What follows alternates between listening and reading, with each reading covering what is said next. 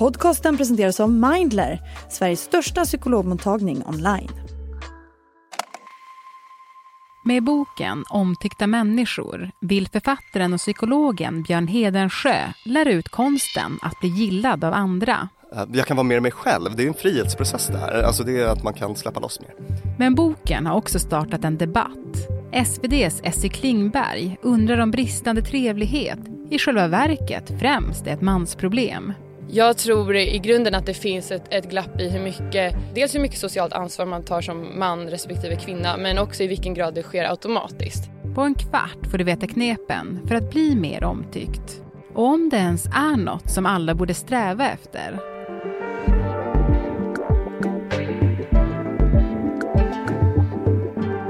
Det är den 15 december. Det här är dagens story från Svenska Dagbladet med mig, Alexandra Karlsson. Okej, då kör vi, gänget. Ja. Kör. Hallå, hallå. Gäster idag, psykologen Björn Hedensjö och SVDs kulturredaktör Essie Klingberg. Du Björn, när du skrev Omtyckta människor Trodde du då att den skulle bli föremål för en kulturdebatt? Jag hade lite beredskap för det, men jag trodde kanske att det skulle vara en annan kulturdebatt. Jag trodde att det skulle handla om, eh, ska man verkligen lära sig att manipulera folk och lite den grejen. Vilket ju boken inte handlar om då, det vet man om man har läst den. Men, jag trodde att det skulle bli en sån debatt. Mm. Eh, och, och, det blev ju en annan debatt. Det blev en annan debatt, precis. Ja som du Essie bland annat eh, har gett dig in i. Yeah. Och du har skrivit en text eh, att det bara är män som behöver läsa den här boken.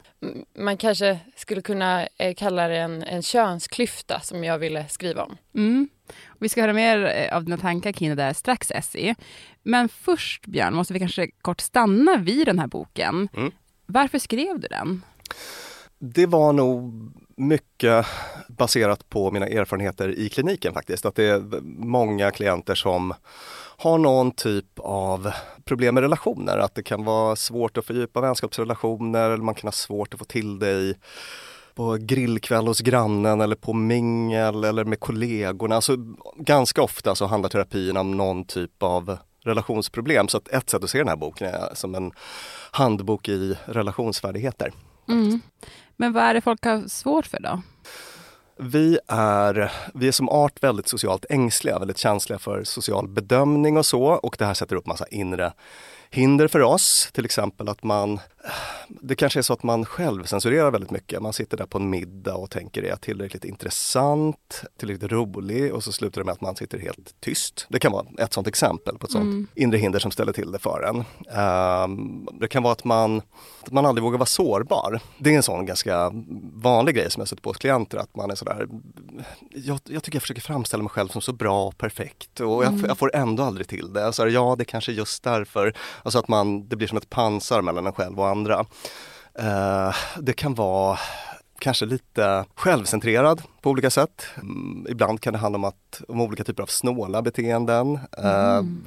skrytsam i sin framtoning. Ja, det finns, det finns ganska många olika grejer som, som gör att eh, det här med det sociala är knepigt. Och för ganska många, inte, inte bara för någon liten klick så.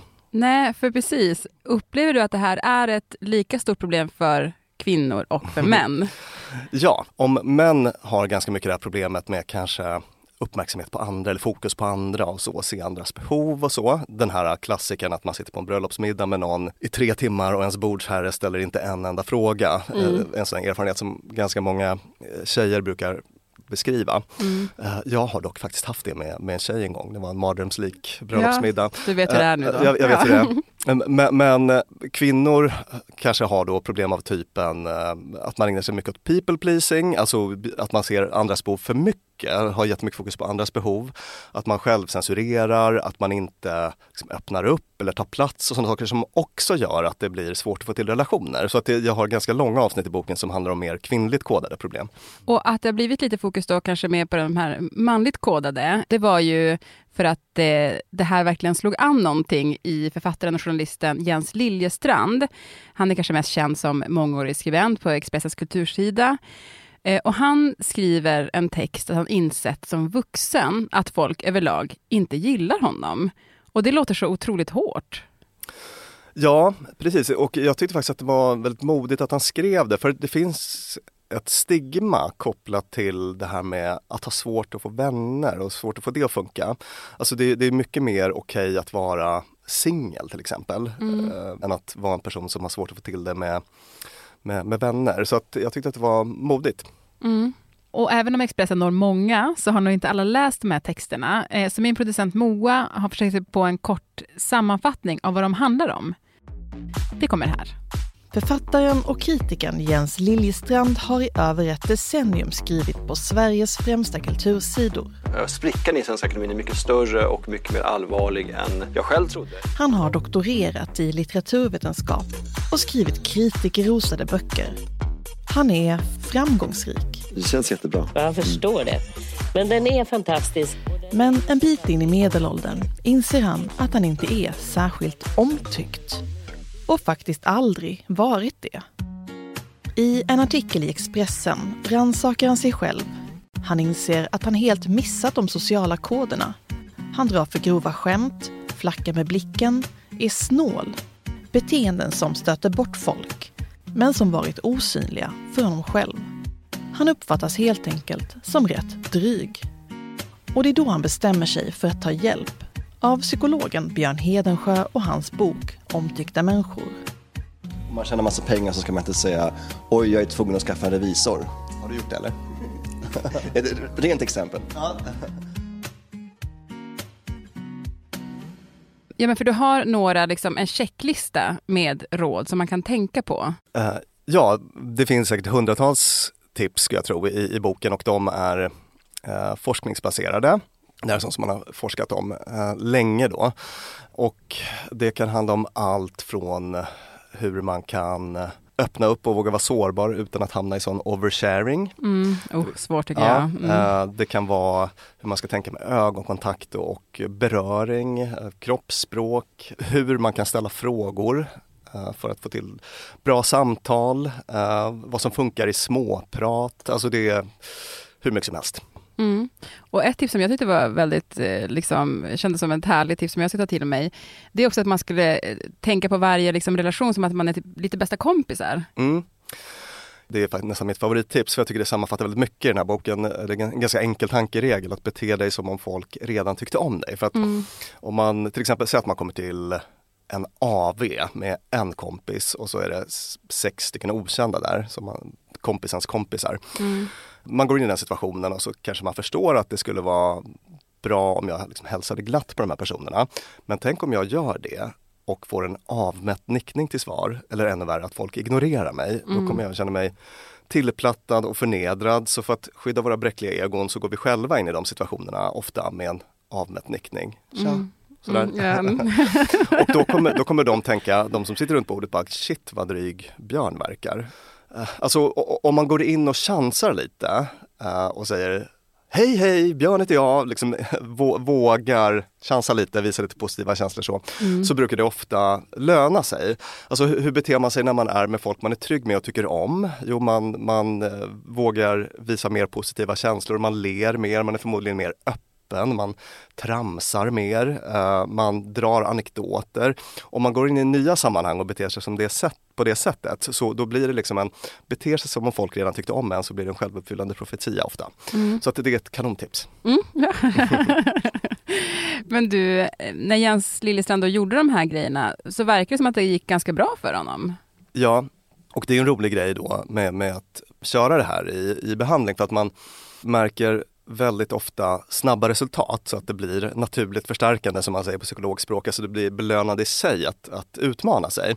Så att till exempel om jag har en klient som Ja, alltså jag känner att jag aldrig får till några nära relationer. Jag sitter och vaktar på mig själv på middagar och känner att jag inte är tillräckligt intressant eller rolig.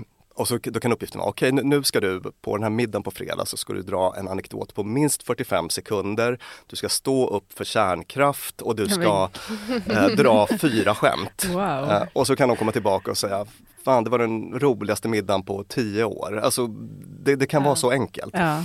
Så, att, så att man bara upptäcker att nya sätt att vara ger, eh, jag kan vara mer mig själv. Det är en frihetsprocess där. Alltså det är att man kan släppa loss mer. Mm. Du, eh, Essie, ja. Du läste ju den här texten eh, av Jens Liljestrand, där han beskriver den här livsstilsförändringen och du reagerade ganska mycket på det. Berätta. Det jag egentligen reagerade på i texten är att Jens Liljestrand verkar lite överraskad av att metoderna funkar. Det är liksom den ena delen. Och jag har nog tänkt att många har en intuitiv förståelse för att ja, men ögonkontakt, eh, att ställa frågor, mm. att det, det är ju effektivt och det får folk att tycka om dig. Men eh, att vissa då såklart av olika anledningar så kanske man har svårt att göra det eller man, man eh, kanske medvetet struntar i det eh, för att man känner att man inte behöver det eller man misslyckas med att göra det. Och det har jag full förståelse för, att det är fallet för vissa. Men det som jag egentligen reagerar på som är liksom en poäng som är separat från din bok, det är ju att eh, dels Liljestrand beskriver hur han eh, i, mitt i livet inser hur han uppfattas. Och det som jag egentligen ville sätta ord på är att för mig känns det väldigt främmande att inte ständigt gå runt och fundera på hur man uppfattas. Och jag, eh, jag hör ju det som du beskriver, att det är liksom också något som man kan arbeta med. Eh, men det jag tänkte när jag läste det här var att om man levt halva sitt liv helt oreflekterat kring så här, hur man uppfattas på det sättet, rent liksom relationellt, eh, då tror jag att det vittnar om att man har ett visst privilegium och att man kanske inte behövt göra det. Mm. Men du, du skriver också i din text att, att det här främst är en fråga för män. Ja, precis. Nu har du din chans att ja. utveckla det. Ja, men absolut. Ja. eh, men man skulle väl lika gärna kunna kalla det en klyfta. Alltså det finns en, det finns en diskrepans i liksom hur det här påverkar folk. Och det är alltid vanskligt med generaliseringar, men jag, jag tror i grunden att det finns ett, ett glapp i hur mycket hur mycket, dels hur mycket socialt ansvar man tar som man respektive kvinna men också i vilken grad det sker automatiskt. Jag, jag, jag får liksom gå till mig själv mm. men eh, att jag har varit med om det ganska mycket att eh, man kanske liksom sitter i ett eh, Zoom-möte och så bara märker man att man sitter och nickar jätteintensivt fast man inte ens syns i bild bara för att bekräfta den, man, den som pratar i mötet fast alla, alla liksom mikrofoner är mutade och man syns inte. Mm. Eh, och eh, jag eh, tror ju liksom inte att det här är något biologiskt faktum men det är ju något som införlivas i oss på något vis eh, sociopsykologiskt I guess. Och sen så tycker jag bara att det var talande då om vi ska prata mer om, om just de här texterna som har skrivits. Så det, det, är ju också en väldigt populär genre, den, den personliga essän där man liksom blickar inåt och beskriver hur man utvecklats på något vis. Och, och då tycker jag det var talande att då eh, i, i Jens Liljestrands text så beskriver han hur hans flickvänner fungerat som en, en väg till social gemenskap. Och han är liksom inte den första som skrivit en sån text utan det, har, det kom för tre år sedan en text av DN-skribenten Andre Walden som hade lite liknande dramaturgi. Att han beskrev så här, nu plötsligt så kommer min sambo och säger att jag uppfattas som självupptagen eh, för att jag aldrig ställer frågor. Eller det, det, är, liksom, det är en hel text. Mm. Men han, han påpekar att det är liksom hans sambo som öppnar hans ögon för hur han uppfattas. Och, eh, och här tänker jag också att det finns någonting i att det är ju ändå brett belagt att män i högre grad är ensamma än kvinnor. Och man, har, eh, man är sämre på att vårda sociala nätverk medan kvinnor ofta liksom kan stå för den biten i en relation. Ja, det är väl något, det är liksom en diskussion som jag tycker är intressant att ha också. Mm. Ja, men vad tänker du om det Björn? Alltså just den där aspekten att, eh, att det kanske är flickvänner som får sina killar att börja reflektera mer över hur kanske man uppfattas eller sociala situationer. Känner du igen det?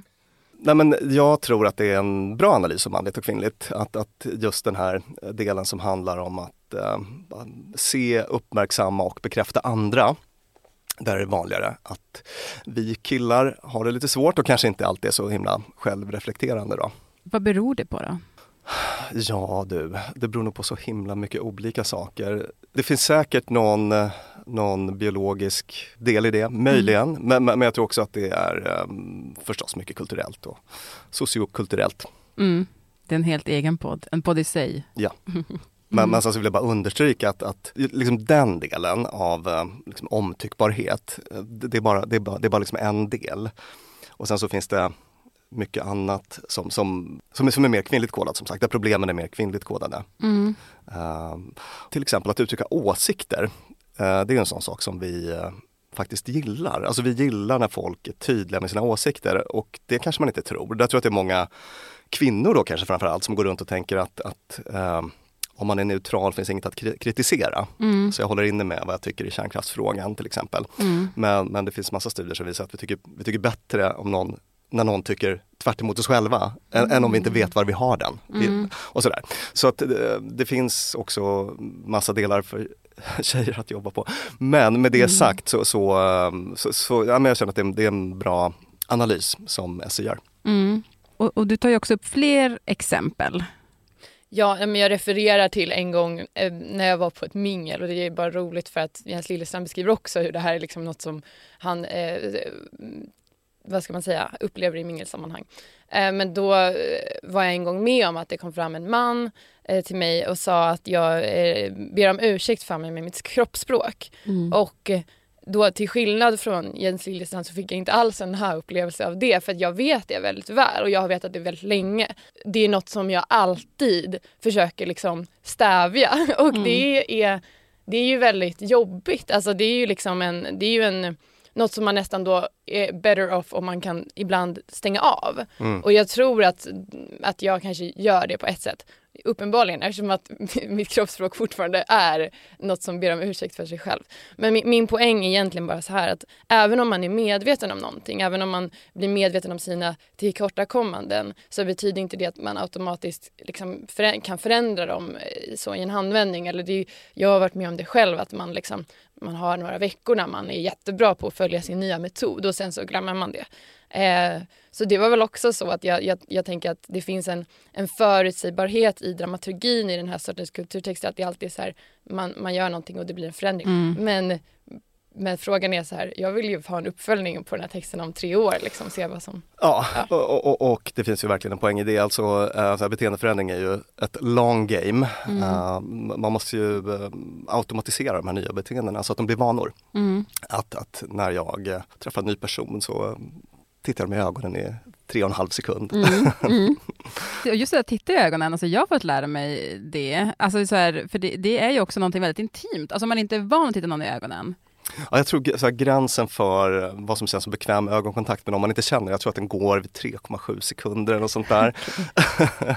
det finns studier på det. Ja, Eh, exakt. It's a, it's a fine line. It's a fine line och Mm. oönskad ögonkontakt kommer alltid högst på, eller högt på listor över sånt som uppfattas som väldigt creepy. Mm. Eh, om någon står och bara blänger på en. Mm. Mm. Det är mycket att lära sig. Ja. Men du Björn, jag tänkte, förutom att, att den här debatten då, är en massa reklam för din bok, så tänker jag, vad tror du att den här diskussionen kan resultera i? Eller vad hoppas du att den resulterar i? Ja, men kanske lite mer självreflektion då, då hos de som behöver det. Och sen så har jag också en, en alltså min mest pompösa idé med den här boken är att, att ehm, jag känner att den, den är inte del av den här optimera dig själv-rörelsen utan den handlar faktiskt om hur vi ska vara med andra. Hur kan vi vara tillsammans typ. Ehm, så att ehm, kanske att det leder till något positivt där då. Mm. jag. Gemenskap. Ja. Mm. Och du Essie, vad hoppas du på? Ja, nej, men jag, kan väl, jag håller väl med om att jag hoppas att det kan väcka någon slags självreflektion. Det är alltid kul också när man skriver att man kanske får folk som hör av sig och känner igen sig, känner igen folk i sin närhet. Sen så, ja, jag, det var intressant med att du nämnde så här debatten som du hade förväntat dig huruvida man ska ha det här liksom eh, lite, lite instrumentella synen ändå på trevlighet. Det är ju liksom en intressant fråga även om jag hör att du säger att det inte är en del av självoptimeringslitteraturen. Mm. Så är det en, en intressant fråga. Men det var roligt när du också när du sa eh, att du fick idén genom ditt, ditt arbete kliniskt. Eller dina erfarenheter kliniskt. Då trodde jag skulle säga dina erfarenheter från kulturvärlden.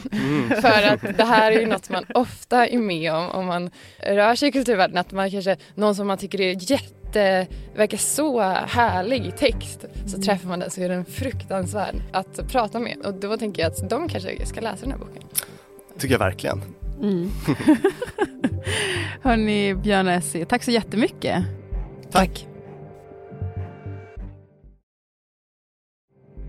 Och producent för dagens program, det var Moa Larsson, redaktör Maria Jelmini och om du vill kontakta oss så mejla till svd.se